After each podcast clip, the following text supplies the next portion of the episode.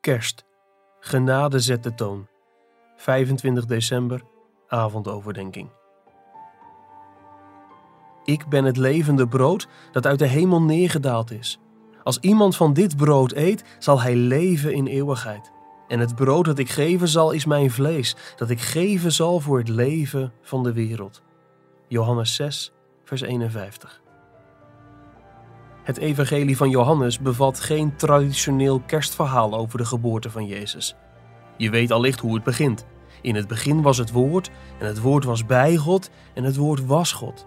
Johannes 1, vers 1. In plaats van het kerstverhaal en de uitleg ervan aan het begin te plaatsen, verweeft Johannes het verhaal van kerst en de bedoeling van het kerstfeest met zijn hele evangelie. Nadat hij heeft gezegd dat het woord God was, zegt Johannes in hoofdstuk 1, vers 14 tot en met 16 bijvoorbeeld: En het woord is vlees geworden en heeft onder ons gewoond. En we hebben zijn heerlijkheid gezien. Een heerlijkheid als van de enige geborene van de Vader, vol van genade en waarheid. En uit zijn volheid hebben wij allen ontvangen, en wel genade op genade. Het eeuwige woord van God nam dus menselijk vlees aan. Op die manier werd de goddelijke zoon van God mens. De zoon die geen oorsprong heeft, die nooit is ontstaan, die God was, maar ook bij God was. Hierdoor maakt hij de heerlijkheid van God op een volstrekt nieuwe wijze zichtbaar. Deze goddelijke heerlijkheid, op een unieke manier geopenbaard in de Zoon van God, was vol van genade en waarheid. Uit die volheid ontvangen wij genade op genade. Dat is in het Evangelie van Johannes de betekenis van het kerstfeest. God de Zoon, die God is en die bij God is, kwam God openbaren op een manier waarop hij zich nog nooit had geopenbaard. In die openbaring zet genade de toon. Uit de volheid van die openbaring van goddelijke heerlijkheid ontvangen wij genade op genade. Of zoals het staat in Johannes 3, vers 16 en 17. Want zo lief heeft God de wereld gehad, dat Hij zijn enige geboren zoon gegeven heeft, opdat ieder die in Hem gelooft niet verloren gaat, maar eeuwig leven heeft. Want God heeft zijn zoon niet in de wereld gezonden, opdat Hij de wereld zou veroordelen, maar opdat de wereld door Hem behouden zou worden. Kerst draait dus niet om oordeel. Kerst draait om zaligheid. Aan het eind van zijn leven stond Jezus voor Pilatus.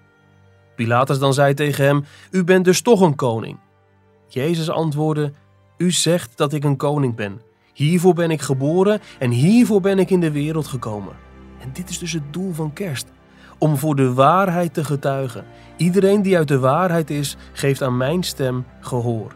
Johannes 18, vers 37. Wat was de uitwerking van die waarheid waarvan Jezus met zijn woorden en zijn hele persoon getuigde?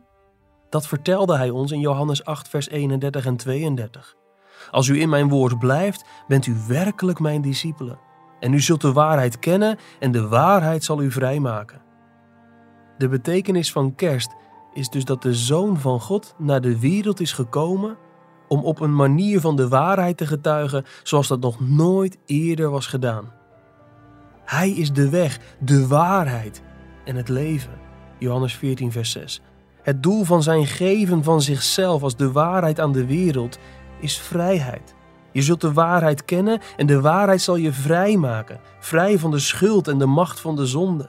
Vrij van doodsheid, verblindheid en oordeel. Hoe vindt die bevrijding plaats?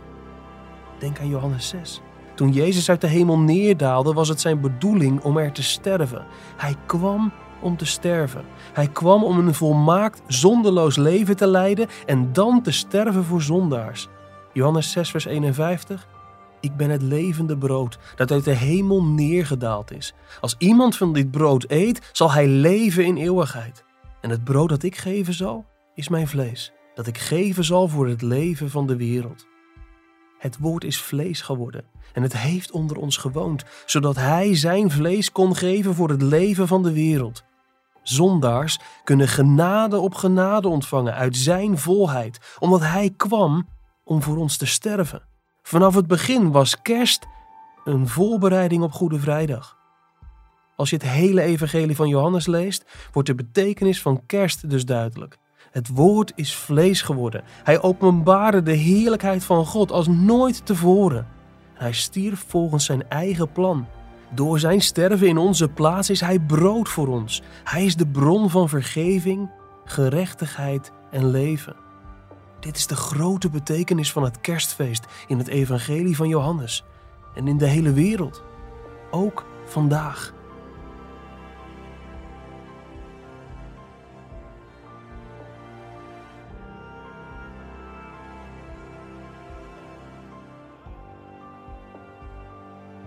Je luisterde naar een overdenking uit het boek Onwankelbare Vreugde van John Piper.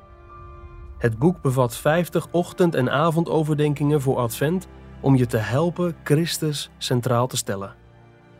Ga naar de webshop van Geloofstrusting om het boek te bestellen of ga naar onwankelbarevreugde.nl voor een online dagboek voor het hele jaar.